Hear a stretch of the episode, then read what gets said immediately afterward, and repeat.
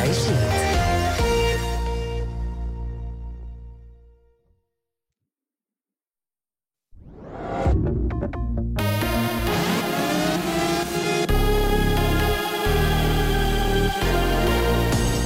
גלי צה"ל השעה שמונה, שבת שלום, כאן תום נשר עם מה שקורה עכשיו.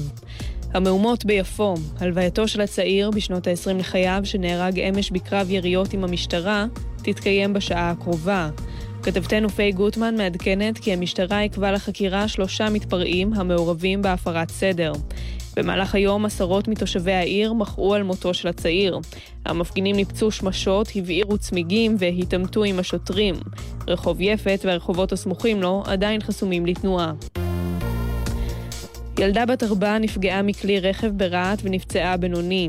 צוות מגן דוד אדום העביר אותה למרכז הרפואי סורוקה בבאר שבע. כתבנו רמי שני מציין כי המשטרה חוקרת את נסיבות האירוע.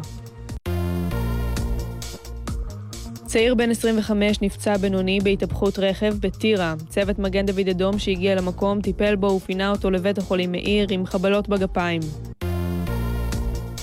שריפת קוצים פרצה אחר הצהריים סמוך ליישוב גבעת כוח ליד חבל מודיעין. 26 צוותי כיבוי פועלים במקום על מנת להשתלט על האש. קו הבתים הראשון, הסמוך לשרפה, פונה. איטליה, מהגר בן 19 מחוף השנהב תקף בדקירות נהג אוטובוס בעיר סיינה.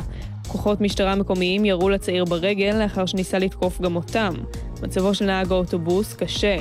ובדרום אפריקה שני בני אדם נרמסו למוות וכמה נפצעו במהלך מנוסה מאיצטדיון הכדורגל סוקר סיטי שביוהנסבורג. דובר העיר מסר כי נסיבות האירוע בבדיקה.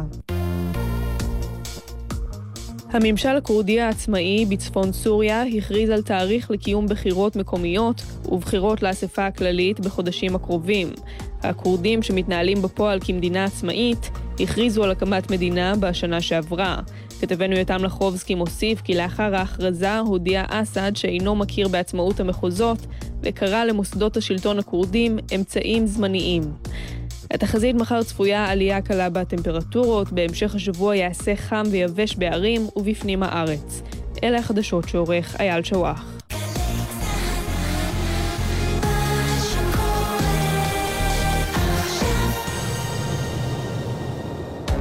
עכשיו בגל"צ, טלי ליפקין-שחק.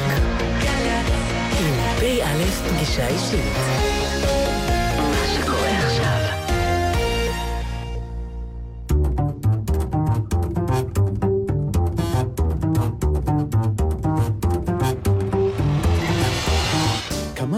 שאתם צריכים לדעת על סמי רבל. הוא נולד ב-1963 בארצות הברית, בעת שאביו עשה שם פוסט-דוקטורט. כשהיה בן שנה חזרו לביתם בפריז, ואחרי מלחמת ששת הימים, בהיותו בן חמש, עלתה המשפחה ארצה, לרחובות, שם שימש אביו, הפרופסור מישל רבל, חוקר בכיר בתחום הביוכימיה, מראשי תעשיית הביוטכנולוגיה בישראל, וזוכה פרס ישראל לחקר הרפואה. בשנת 1981 התגייס רבל לחיל השריון, ואחרי שירותו הצבאי למד באוניברסיטה העברית בירושלים, לתואר ראשון במדעי המחשב ומתמטיקה, ותואר שני עשה בפילוסופיה, היסטוריה וסוציולוגיה של המדע. בשנת 1987 הצטרף סמי רבל לשירות החוץ, ובין תפקידיו שירות בשגרירות ישראל במנילה, קידום מיזמים כלכליים אזוריים במזרח התיכון במסגרת לשכת מנכ"ל משרד החוץ, הקמת נציגות ישראל בקטאר בעמידה בראשה, וסגן השגריר בפריז. כיום מכהן רבל כראש חטיבת אירופה במשרד החוץ.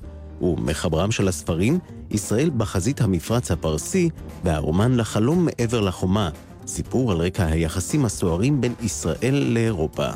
רבל נשוי, אב לשלושה, ומתגורר בירושלים.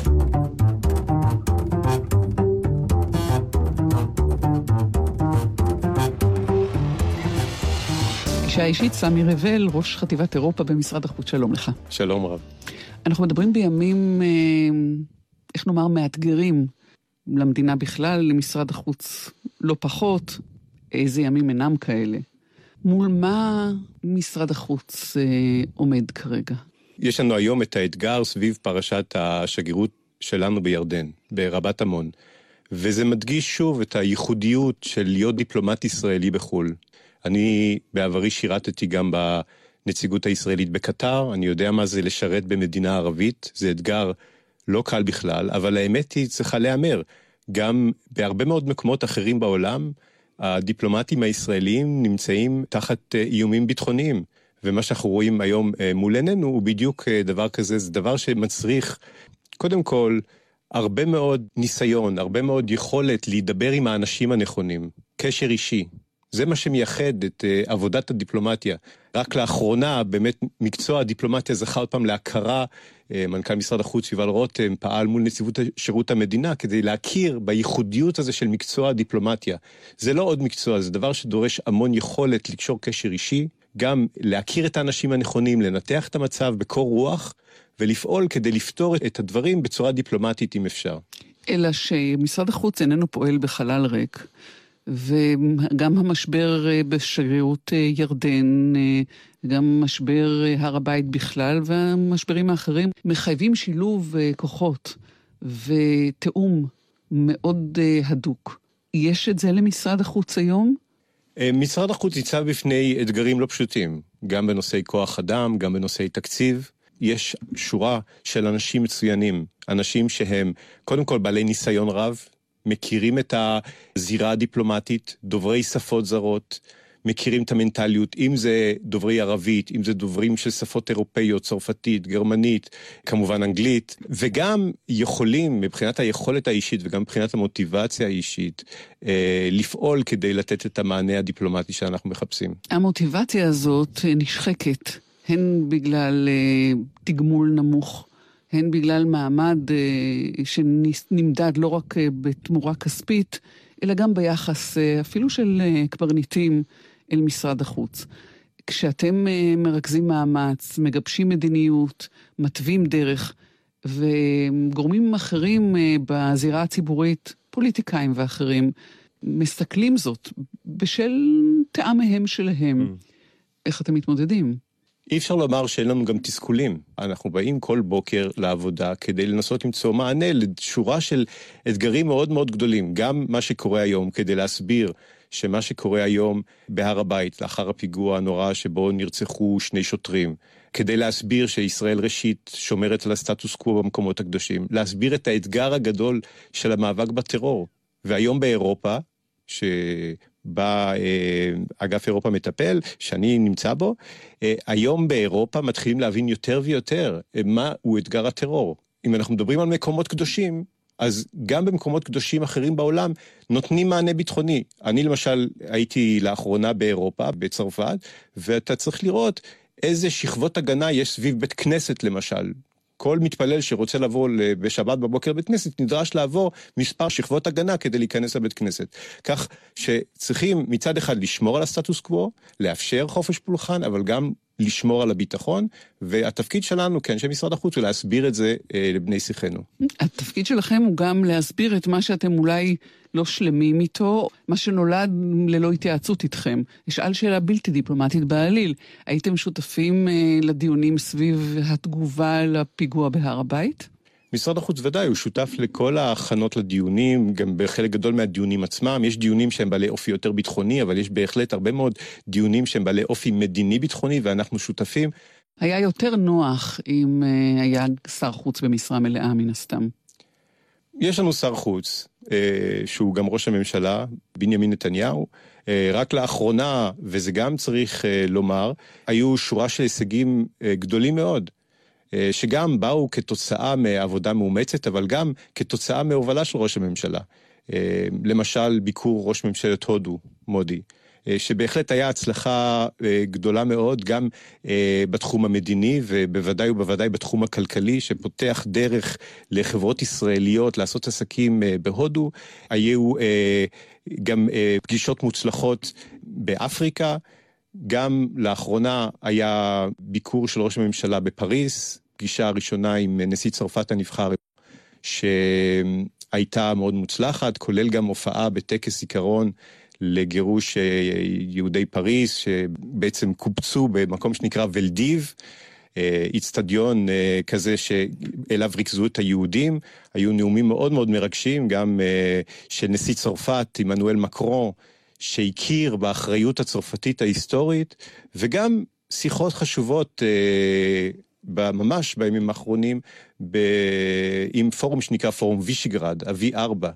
שזה פורום שבעצם מביא ביחד את פולין, את הונגריה, את אה, צ'כיה ואת סלובקיה. שמענו חלק מהשיחות אה, ששוגרו לחלל האוויר בטעות או במכוון. גם זה חלק מהעולם הדיפלומטי. מה שמביא אותנו, סמי רבל, לדבר איתך ממש עליך, כי מדובר בפגישה אישית. ואתה מזכיר את uh, הגירוש של יהודי צרפת, על פי המבטא שלך, uh, אי אפשר להסתיר את השורשים הצרפתיים שלך, למרות שנולדת בארצות הברית. כן. אבל אתה צרפתי במקור. ההורים שלי צרפתים, אני עליתי בגיל חמש לארץ. אבל בהחלט, uh, ההיסטוריה של המשפחה שלי, ההיסטוריה של ההורים שלי, היא חלק משמעותי מאוד ממני, מחיי. ההורים שלי, שניהם, בתקופת השואה, בעצם הסתתרו. אבי הסתתר ביחד עם אמו באלפים, אה, אמי ביחד עם אחי הגדול אה, בפריגו, באזור שנקרא דורדון בצרפת, וסבי אה, מצד אמי היה שבוי, שבוי מלחמה, סבתי מצד אמי הייתה במחנה הריכוז ברגן בלזן. וגם מצד אבי, אה, אני גאה מאוד בסבי, אה, גסטון רבל, שהוא היה בעצם אה, במחתרת הצרפתית, והיה רופא.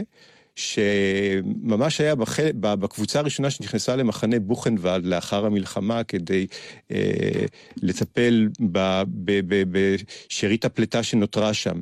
אה, כך שבהחלט ההיסטוריה הזאת, והיא גם זו שהניעה במידה רבה את הוריי, כך הם uh, תמיד סיפרו לי, לאחר מלחמת העולם השנייה תמיד הניע אותם להפוך קודם כל לציונים גאים, ובסוף uh, גם ב-1968 לעלות לישראל. כשאני הייתי עוד בגיל חמש, אבל כל ההיסטוריה הזאת כמובן בבית היא דבר שמשפיע מאוד. ומשפיע גם על הבחירות שלך. מה אתה עושה, מה אתה לומד, ואיך אתה מגיע לשירות החוץ. נכון, נכון. כי בסופו של דבר שירות החוץ זה לנסות למצוא גשרים, למצוא דרכים לדבר גם כשיש חילוקי דעות מאוד מאוד עמוקים. ואנחנו רואים את זה היום, אם זה מול העולם הערבי, מול העולם המוסלמי, גם מול אירופה.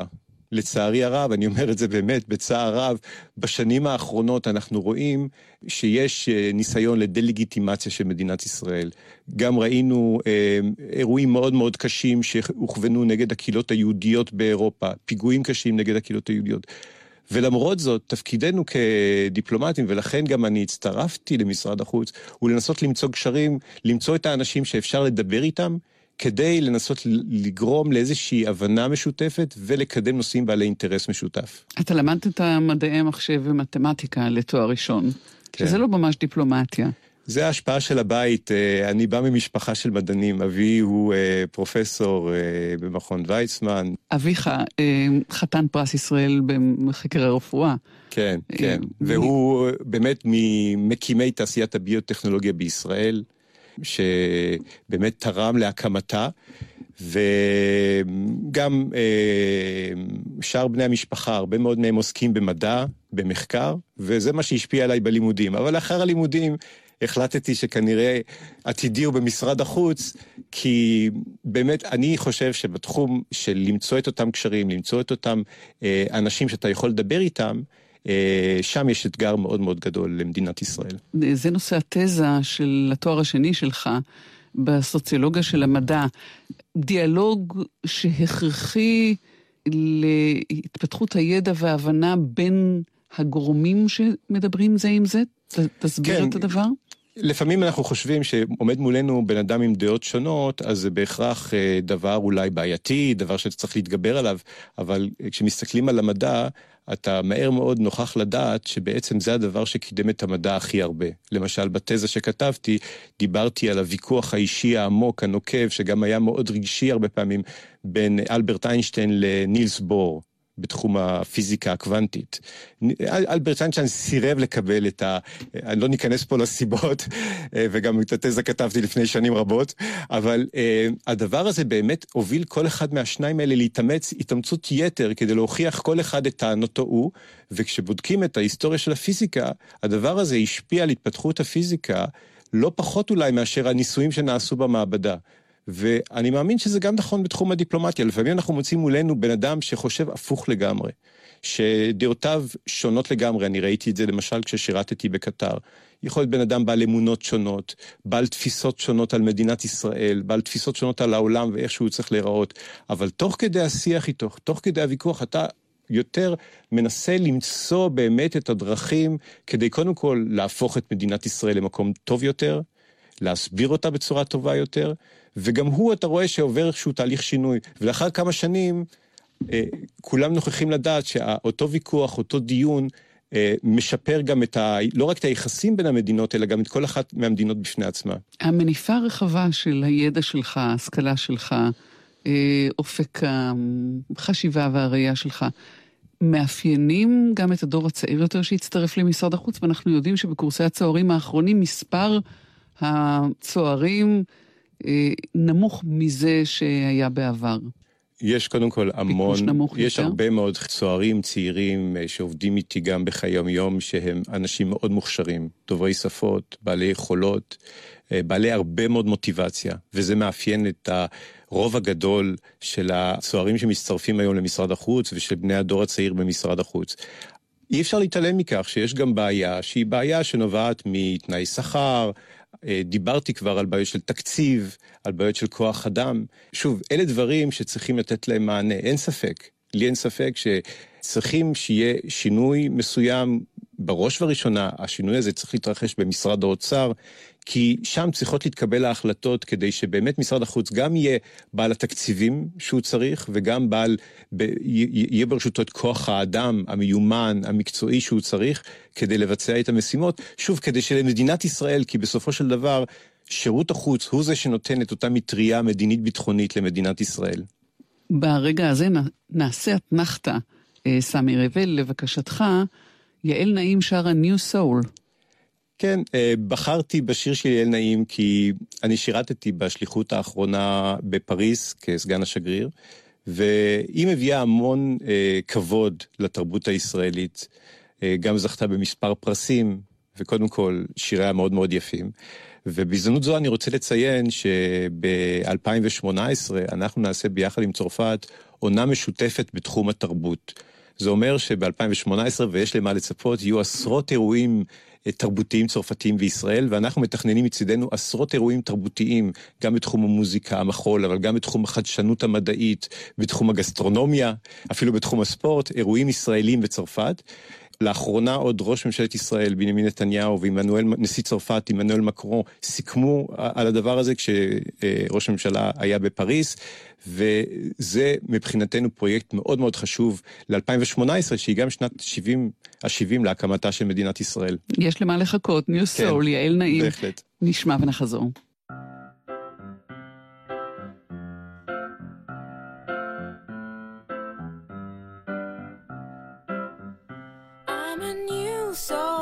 Came to this strange world hoping I could learn a bit about how to give and take.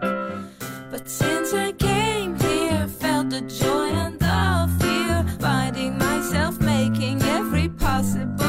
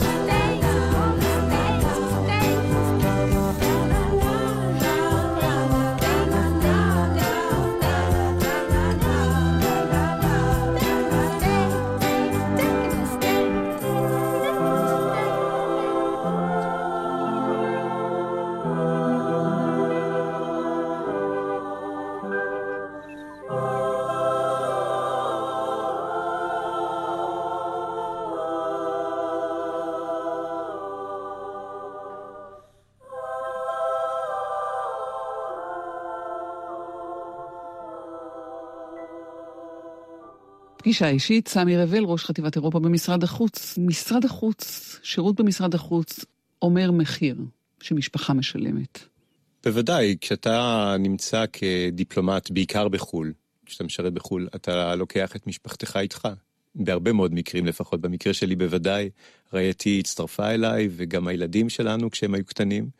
ולמשל, רק כדי לספר אה, סיפור אחד, אה, כשיצאנו לקטר, זה לא היה פשוט. למעשה הקמתי את הנציגות כך שלא היה שם שום דבר.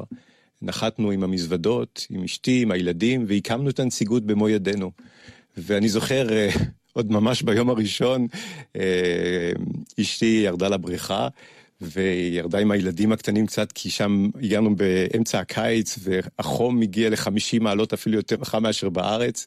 חום נוראי, לקחה אותם לבריכה, התיישבה שם, ומיד עוררה תשומת לב, ניגשו אליה מספר נשים שהיו שם בבריכה, ושאלו אותה, מאין היא? מאיפה היא באה? אה, שאלה טבעית לחלוטין. אשתי, שלא רצתה לא לומר אמת, אמרה, אני מהמזרח התיכון.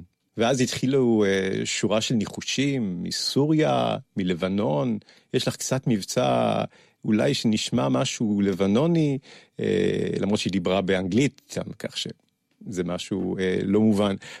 ניסו שורה שלמה של מדינות, אף אחד לא יכל אפילו להעלות בדמיונו uh, משהו שהיא לא ממדינה ערבית, היא מהמזרח התיכון. בסוף בסוף, לאחר uh, הרבה מאוד דקות של תחקיר, באמת uh, אמרו, נו, אז תגידי לנו. מאיפה את? אז היא אמרה, אני מישראל. ואז כמובן אה, אה, התחילו תהיות, אמרו, מה, לא יכול להיות, אין פה ישראלים בקטר. וזה רק ממחיש עד כמה אשתך והילדים הקטנים אה, נמצאים בתוך לפעמים סיטואציות לא פשוטות, במיוחד אה, במדינות שבהם לא תמיד פוגשים ישראלים ביומיום, ויש לפעמים גם כל מיני תדמיות, לפעמים תדמיות מעוותות שנוצרות ביומיום על ידי התקשורת. מספיק לראות חלק גדול מהתקשורת הערבית כדי להבין איך אה, הקריקטורות על ישראל, מאמרים, שלאחר כך אנשים שפוגשים ישראלים מהשורה, קשה להם להאמין שזה באמת בן אדם כמוני וכמוך. אז בוא נדבר רגע על קטר באמת. אני יצאתי לקטר כראש הנציגות ב-1996. זה היה למעשה תקופה קצרה לאחר אה, שהיה ביקור רשמי של אה, שמעון פרס, אז ראש הממשלה, שהפך להיות ראש הממשלה לאחר רצח רבין. הייתי בצוות שארגן את הביקור שלו בקטר. באמת ביקור מרגש ביותר כשניגנו את התקווה בשדה התעופה כשהוא נחת והניפו את דגלי ישראל, ותקופה לאחר מכן הגענו לשם. ואת עיקר מעיינינו שמנו בניסיון לקשור קשרי מסחר. זה בעצם היה תפקידה העיקרי של הנציגות, לקשור קשרי מסחר בין ישראל לקטר וגם בין ישראל למפרץ הפרסי באופן כללי. הפוטנציאל הוא מאוד מאוד גדול. כמובן שהמחסום היחידי הוא בדרך כלל מחסום מדיני. ואתה מגיע לשם אחרי שאתה עוסק בלשכת המנכ"ל בקידום פרויקטים כלכליים אזוריים במזרח התיכון בתקופה, מה שכותרת שלה היא תקופת אוסלו, של איזושהי תחושה שאנחנו בפתחו של מזרח תיכון חדש. מה קרה עם קטר שהגענו לימים האלה? בעצם אה, קטר היא נתונה במין, אה, תמיד מין מאבק דואלי כזה. מצד אחד, אה, מדובר במדינה מאוד מאוד מאוד עשירה. באר הגז הכי גדולה בעולם היא תחת אדמתה. חברות בינלאומיות פועלות שם. יש שם בסיס גדול מאוד של חיל האוויר האמריקאי, כך שהיא מחוברת בטבורה גם לארה"ב, גם באירופה, ובעצם לכלכלה הגלובלית. למשל, היא רכשה את פריס סן ג'רמן. שהיא גאוותה של צרפת כולה, לא רק של פריז. Mm-hmm. אבל הרבה מאוד חברות בינלאומיות נמצאות בבעלות של אה, קטרים. מצד שני, האסלאם, אה, האסלאם הוא מאוד מאוד חזק, הוא מאוד דומיננטי. אתה רואה את זה גם בלבוש של האנשים, אתה רואה את זה באופן שבו הם מקיימים את מצוות הרמדאן ואת מצוות התפילה. הם אנשים ברובם הגדול מאוד אדוקים, מאוד קשורים לאסלאם. וקטר ואני לא חושב שהיא היחידה, כי גם עוד מדינות במפרץ נעות בתוך התווך הזה, וזה תווך אה, שלפעמים מביא אותם יותר קרוב להבנה של ישראל, אבל לפעמים גם מביא אותם להיות בצד השני של המתרס. אבל המהלך היום של אה, החרמה של קטר, בהינתן כל מה שאתה אומר על הקשרים שלה, גם הכלכליים עם המערב, זו אמירה שהיא בעיקר הצהרתית, או שהיא מהותית באמת? יש שם גם דברים מהותיים ביותר. אה, יש אה, לחץ בעצם מאוד מאוד גדול, גם בינלאומי וגם בתוך המפרץ, להיאבק בטרור. יש טרור אה, איסלאמי קיצוני שמאיים לא רק על ישראל, גם על רבות ממדינות ערב. ויש בהחלט לחץ גדול מאוד על מדינות להפסיק כל תמיכה, כולל גם תמיכה מורלית או תמיכה באמצעי תקשורת, הסתה, אל-ג'זירה למשל. כל הדברים האלה, להפסיק את כל דבר שיכול להוות כתמיכה באנשים שהם מוציאים לפועל טרור, כולל ארגון החמאס, שהוא אה, איום גם על ישראל, אבל הוא גם אה, איום אה, לעוד מדינות באזור. 21 שנים אחרי שהגעת לשם, היום, לו היית... נשלח לשם עם ילדים קטנים. היית נוסע? Uh, כן, כי זו מהות uh, של להיות דיפלומט במשרד החוץ, לחפש תמיד אתגרים חדשים, לחפש uh, משהו שיכול קודם כל מאוד לעניין אותך, שהוא אתגר, ואני חושב שבכל מקצוע, כשמציעים לך אתגר גדול, הדבר הכי חכם הוא לקבל אותו, כי זה יכול רק להעשיר אותך ולפתח אותך.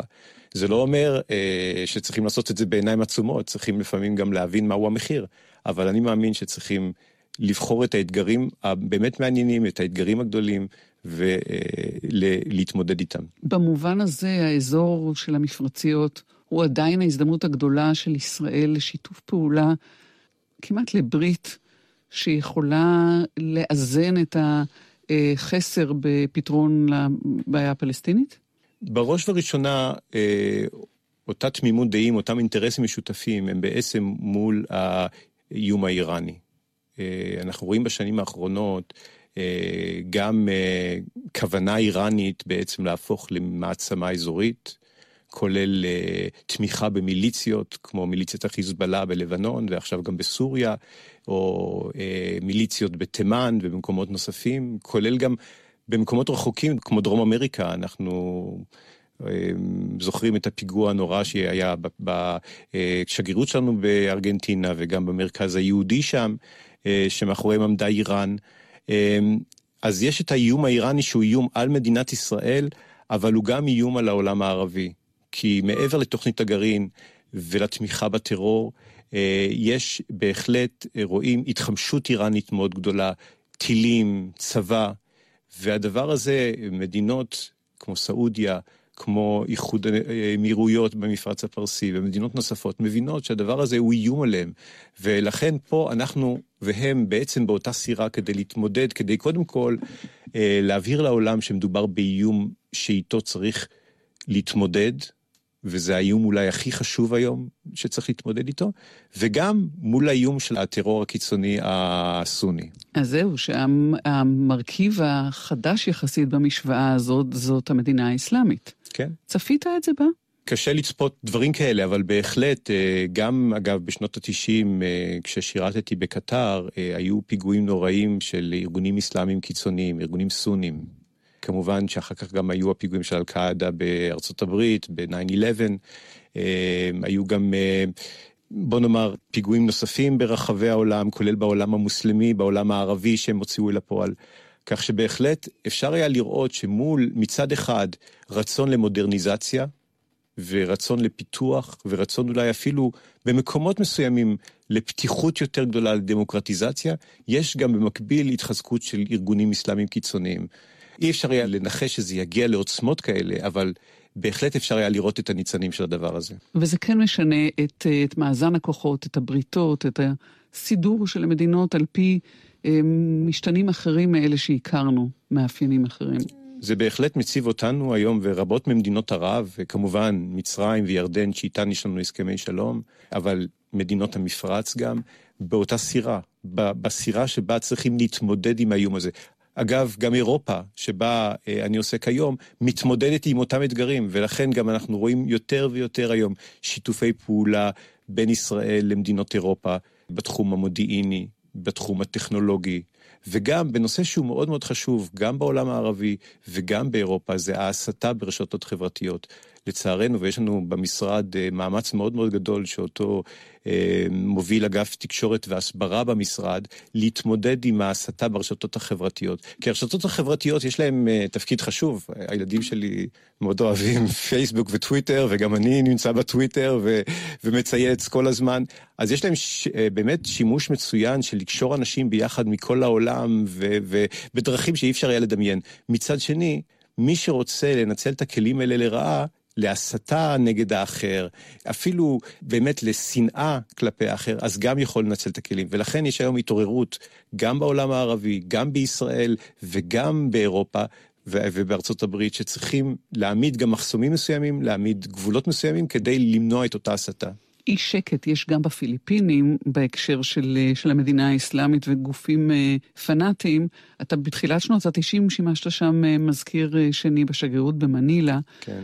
אתה רואה איזה קו מחבר בין מנילה לבין קטאר, לבין נאט"ו, לבריסל, ששם ישבת?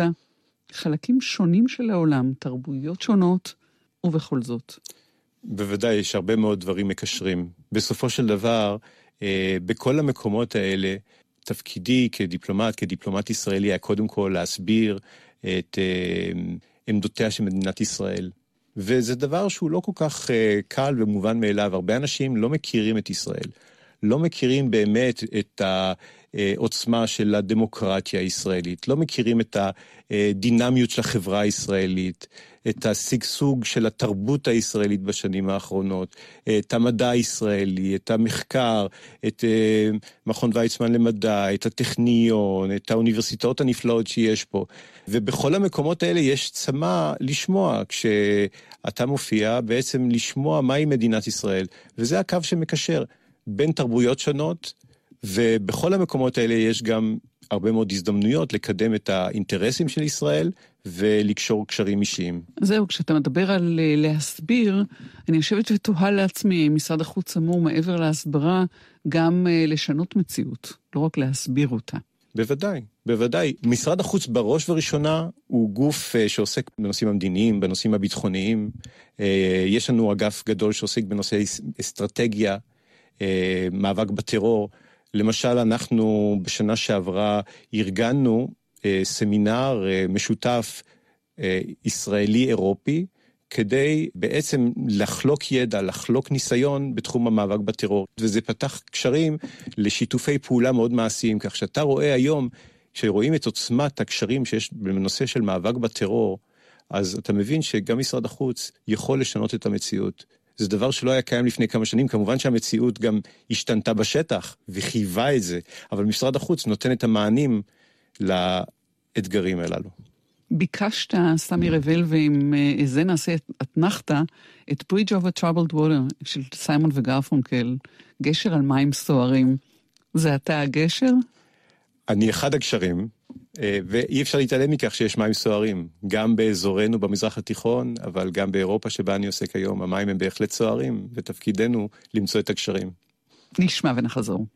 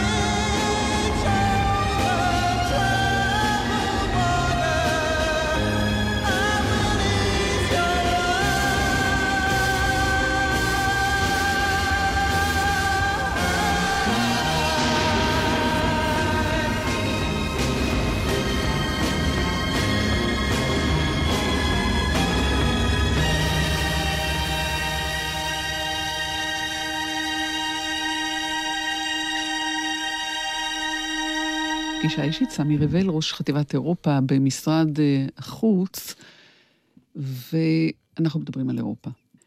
כשמדברים על אירופה זה לא עוד מערכת יחסים עם עוד יבשת.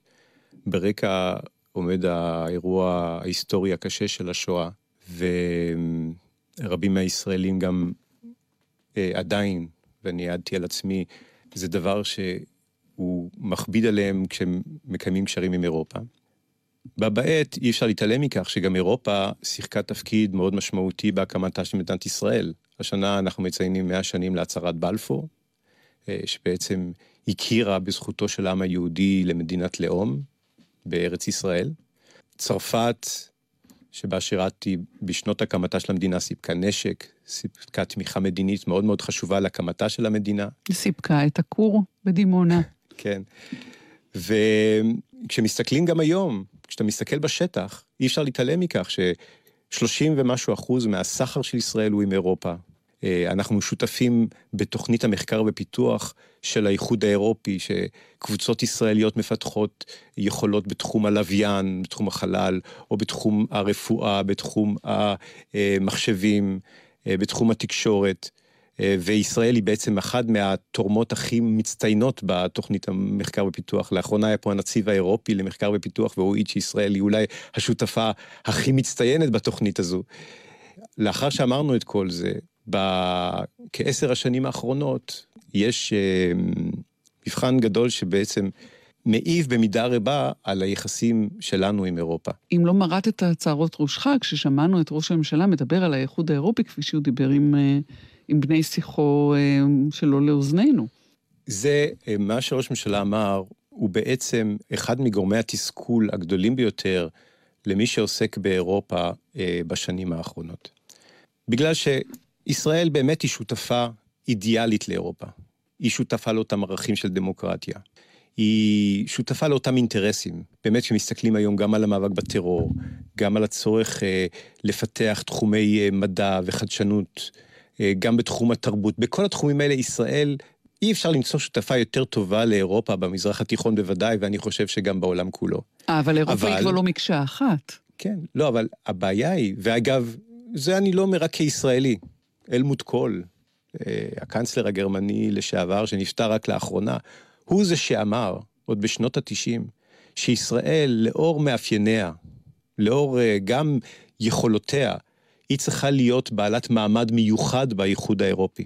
הוא אפילו דאג שהאיחוד האירופי יפרסם במסקנותיו הצהרה שאומרת שישראל צריכה ליהנות ממעמד מיוחד ביחסי עם האיחוד האירופי. אבל אם אנחנו, ו- אם אנחנו אה, מגנים או אנחנו מבקרים אה, את האיחוד האירופי, את הליברליות שלו למשל, אנחנו לא מקדמים את ההתקרבות הזאת.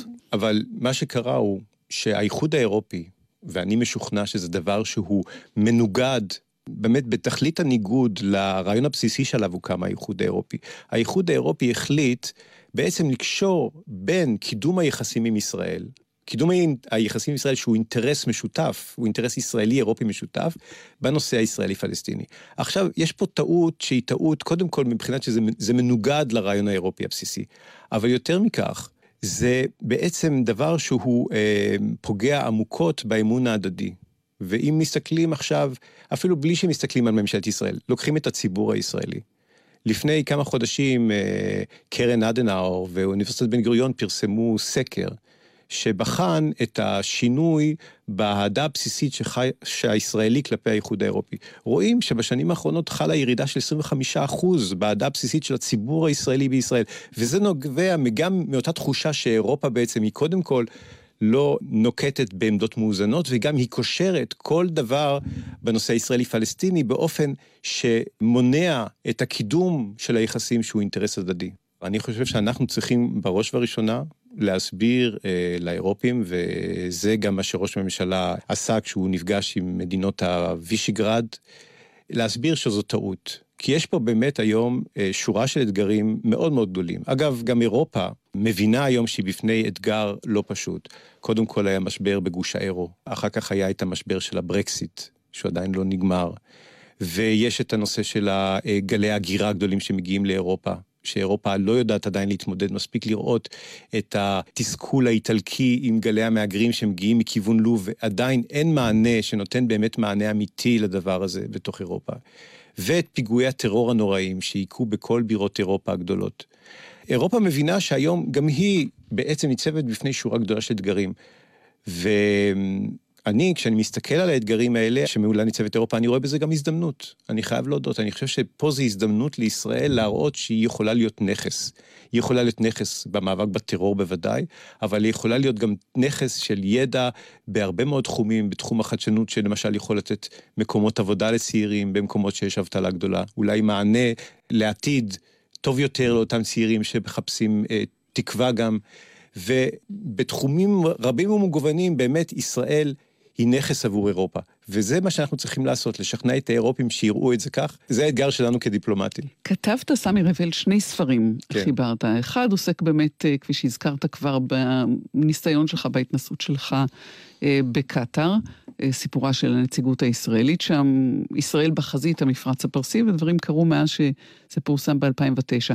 הספר השני שפגשתי הוא לחלום מעבר לחומה, שהוא הוא רומן למעשה, אבל אה, אי אפשר שלא לקרוא דרכו את השקפת העולם שלך ואת המסרים אה, שאתה משווע להעביר אה, של אה, החומה והצורך אה, למתוח גשר מעליה, או, אה, או כן. להרוס אותה בעצם. קודם כל צריך להגיד שהחומה, ועל כך נקרא הספר, היא חומת ברלין. מהמם. קלאוס, הוא הגיבור הגרמני של הספר, הוא חווה את נפילת חומת ברלין כאירוע מכונן בחייו. ופה אני חושב שיש גרעין אה, שיכול להסביר את אה, הקושי של אירופאים רבים להבין את ישראל היום. אה, לאחר שהוא ראה את נפילת חומת ברלין, הוא ראה שאירופה מתאחדת מחדש, הוא ראה את העולם כמין איזה עולם שנע לכיוון דטרמיניסטי, לכיוון של קדמה, לכיוון של שלום, של שגשוג, של פתיחות, כל החומות נופלות. וזה אולי מקשה לפעמים להבין את ישראל. יש אה, באמת זיכרון מאוד מאוד חזק, אה, שאני גם מביא אותו בתוך הספר, של הטקס הסיום של הבן שלי בבית הספר האמריקאי בפריז. עומד שם מנהל בית הספר ומסביר לילדים כמה העולם שבפניהם הם ניצבים הוא עולם נפלא, עולם שזה היה לפני כמה שנים, צריך לומר, של שגשוג, של אייפונים, של אפליקציות, אבל גם של אה, גבולות פתוחים, והם יכולים לנסוע, והוא משבח את הילדים שהולכים לייל ולהרווארד ולפרינסטון. והוא אומר, כן, היו כמה ילדים שקצת התאמצו פחות בלימודים, אז הם ילכו לאיזה קולג' קהילתי. ובסוף בסוף הוא אומר, ויש גם פה שני ילדים שעכשיו הולכים לשרת את מדינתם בצבא. שני אותם ילדים הם ילדים ישראלים, אחד מהם הבן שלי. ואז פתאום אתה יושב בפני חדר שיש בו 100 בוגרים, ואתה רואה את ההורים מסביב, ואתה מבין שיש פה משהו ייחודי במקרה הישראלי, שמקשה על אירופים רבים, וגם במקרה הזה ילדים אמריקאים, כי רבים מהם היו אמריקאים, להבין מה זה ישראל. אז אתה חיברת, אתה, אתה יצרת ידידות בין הילד האירופאי לילד, ה... לנער הישראלי לנער האירופאי, הגרמני. כן. לקחתי את דור, שהוא בעצם אה, גם היה במלחמת לבנון, וגם שירת בעזה, וכל המטען הזה, וכשהוא פוגש את קלאוס, שבא עם החלומות והרצונות באמת לקדם את אותו עולם נפלא, אה, דור בהתחלה מתחבר אליו מאוד. אבל מה לעשות? אה, שלאחר מכן אה, היו מקרים שהחמאס המטיר אה, טילים על ישראל וישראל יצאה להגנתה. אגב, זה אתגר מאוד מאוד בעייתי מבחינת ישראל באירופה, כי ישראל בשנות האלפיים, אחרי ההתנתקות, הזמינה את האירופים לשמש ככוח פקחים בגבול רפיח. אה, למעשה, אריאל שרון אה, החליט, הוא אמר, אנחנו רוצים לתת לאירופה תפקיד, בואו ניתן לה תפקיד להיות פקחים במעבר רפיח, זה מעבר מאוד רגיש בין רצועת עזה למצרים. ש... האירופים יש להם המון ניסיון בפיקוח על גבולות, באנשי מכס, אנשי ביטחון בגבולות, הם יודעים לעשות את העבודה, ניתן להם את זה. זה לא היה כל כך נאיבי כמו שאני מתאר את זה היום, כי היו גם כישורים מאוד חזקים לארגוני הביטחון שלנו, אבל מהר מאוד התברר הגודל, החוסר היכולת של הכוח הזה להתמודד עם המציאות בשטח. יום אחד הגיע אסמאעיל הנייה עם מזוודה שבתוכה היו 30 מיליון דולר. וכוח הפקחים אמר לו, תפתח את המזוודה, הוא בלי בעיות, פתח את המזוודה, הוא למה הכסף? כי אי אפשר היה לנחש, כמובן הכסף היה מיועד לטרור, ועוד לפני שהם הספיקו אה, להגיב, הוא הוקף בכוח של אה, חמאס שירה באוויר וליווה אותו אה, לתוך רצועת עזה בלי שהכוח האירופי יכל להגיב. ושנה מאוחר יותר, ב-2007, חמאס השתלט לגמרי רצועת עזה, והכוח האירופי עזב בו ביום את, ה, את המעבר. כך שפה, שוב, כשאנחנו היום מתמודדים מול האירופים בנושא הביטחוני, אנחנו בעמדה של לומר להם, תסתכלו, ישראל היא מקרה מאוד מאוד ייחודי. אנחנו באמת ניצבים מול סדרה של איומים, ובסופו של דבר, אנחנו יודעים שאנחנו יכולים לסמוך רק על עצמנו בנושא הביטחוני. אתה שם לב שאנחנו דיברנו על ספרך לח... לחלום מעבר לחומה שהוא רומן, ואתה זגזגת ועברת הלוך וחזור מן הרומן אל המציאות, ומן המציאות בחזרה אל הסיפור אה, שרקמת. זה עבודתו של הדיפלומט, אין גבולות, זה לא שאתה הולך הביתה ואתה שוכח מהעבודה, אולי זה שונה ממקצועות אחרים. החיים הפרטיים וחיי המקצוע, כמו שאמרתי, גם כשאשתך מתלווה אליך, רעייתך, אה, למשל, אה, כשהיינו בפריס, רעייתי הייתה גם אה, אחראית על הקשר עם משפחות שכולות וטיפול בנכי צה"ל שנמצאים בפריז, כי יש גם קהילה יהודית גדולה מאוד בפריז וחלקם גרים שם. המשפחה היא איתך, החיים הם איתך. אתה לא חוזר הביתה בסוף היום ואתה שוכח מהעבודה. אבל כשאתה יושב בבית לכתוב את הספר, אתה לא כותב על עולם פנטסטי אחר, אתה כותב על החיים שאתה מנהל בצד המקצועי, ואתה עושה להם אה, תיקון שאתה אולי לא יכול לעשות במציאות. תיקון, אבל גם, אני חושב, אה, בסופו של דבר, אה, ראייה מציאותית מאוד. כי בסוף הספר, ואני עוסק בנושא הזה באמת בפרקים האחרונים, בנושא של הדה-לגיטימציה של ישראל. כי באמת, כמי שחי, וזה אולי מה שבסופו של דבר היה הטריגר לספר, כמי שחי באירופה כנציג ישראלי בשנים האחרונות, אני ראיתי גל הולך ומתגבר של דה-לגיטימציה למדינת ישראל. קודם כל, אה, אי אפשר להתכחש מכך שיש הרבה מאוד אנשים שלא מבינים למה צריכים מדינה של העם היהודי, אה, ויש אה, קולות שקוראים נגד זה באירופה.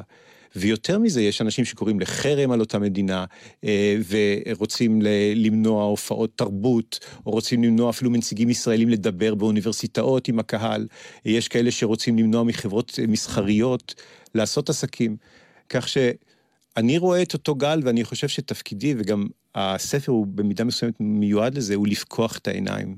לפקוח את העיניים של אנשים כדי להבין שבסופו של דבר, החומות שעלולות להיבנות בליבם של אנשים, כתוצאה מההסתה הזאת, יהיו יותר קשות להפלה מחומות של אבן ופלדה. בשעה שאנחנו מקליטים את השיחה הזאת, סמי רבל, אה, מוקדים אה, מרובים של מתיחות כן. באזור, וגם אה, בנציגויות ישראל ברחבי העולם, במזרח התיכון ולא רק. כל גל כזה לוקח אותנו אחורה, מקשה עליך במה שהוא שליחות חייך. קודם כל, הוא מאיר שוב את הייחודיות באמת. אנחנו במשרד החוץ, ולצערנו יש לנו גם קיר זיכרון במשרד. זה לא דבר פשוט. אנחנו בעצם נמצאים בחזית הדיפלומטית במקומות שונים, וזה לא דבר פשוט, בטח לא לשליחים שלנו, שברגעים אלו אה, מתמודדים עם איומים אה, ביטחוניים, אה, איומים קשים. אה, גם מתמודדים מול גלי הסתה נגדם עצמם, נגד השגרירויות השונות וגם נגד מדינת ישראל. זה בעצם דבר שחשוב מאוד אה, להבין אותו, ולכן אנחנו היום צריכים באמת, קודם כל, וזה תפקידנו כדיפלומטים, אנחנו לא, אה, בוא נאמר, זה לא ירפא את ידינו מלהמשיך להגיד את האמת, להגיד את האמת בעולם.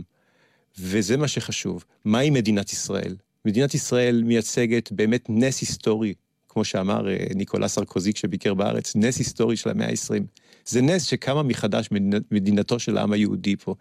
זה לא דבר פשוט, כי לא כולם מבינים אותו, לא מבינים את הצורך בו, ותפקידנו הוא להסביר את זה, ותפקידנו להסביר, יותר מזה להסביר שזה בעצם גם נכס. ואני מדבר כיום על אירופה, שבה אני עוסק. יותר ויותר אירופאים, ואני רואה את זה, ראינו את זה לאחרונה בביקור במזרח אירופה, אבל אני רואה את זה גם בצרפת, אני רואה את זה בגרמניה, אני רואה את זה בבריטניה, אני רואה את זה בהרבה מאוד בירות, מבינים שישראל היא נכס עבורם.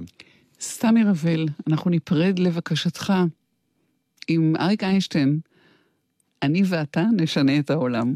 הלוואי. תודה לך שהיית איתנו. נגיד תודה גם לנחום וולברג שערך איתי והפיק את המשדר הזה, לנועם הירש על הביצוע הטכני, וכמובן לכם שהאזנתם לנו.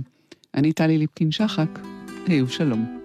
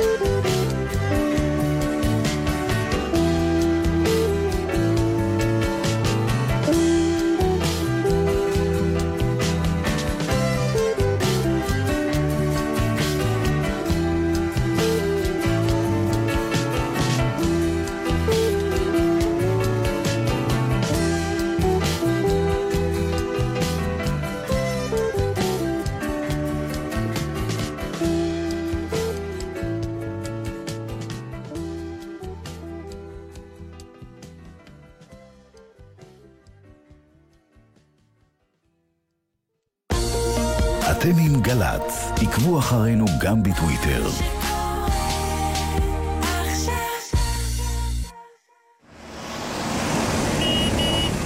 לאן זה? אף פעם לא תדעי איך תיגמר הנסיעה. חיילת, לא עולים על טרמפים. המסלול האדום של גל"צ, לחדשות שלכם. 03 512 6789 או בדואר האלקטרוני אדום כרוכית glz.fm אבא, אני לא רוצה להיכנס לסטטיסטיקה. כמה ילדים להערכתכם נפגעו בחופש הגדול שעבר בתאונות דרכים? 571 ילדים. השנה מוציאים את הילדים מהסטטיסטיקה. לילדים עד גיל 9 לא מאפשרים לחצות כביש לבד, ולגדולים מזכירים לחצות רק במעבר חצייה, רק כשהכביש פנוי, ולא להתעסק בטלפון תוך כדי חצייה. החופש הזה כולנו נלחמים על החיים. של הילדים, יחד עם הרשות הלאומית לבטיחות בדרכים. ליאור נרקיס ודודו אהרון במופע משותף. כל הלהיטים הגדולים נפגשים על בימה אחת. השמיים נקיים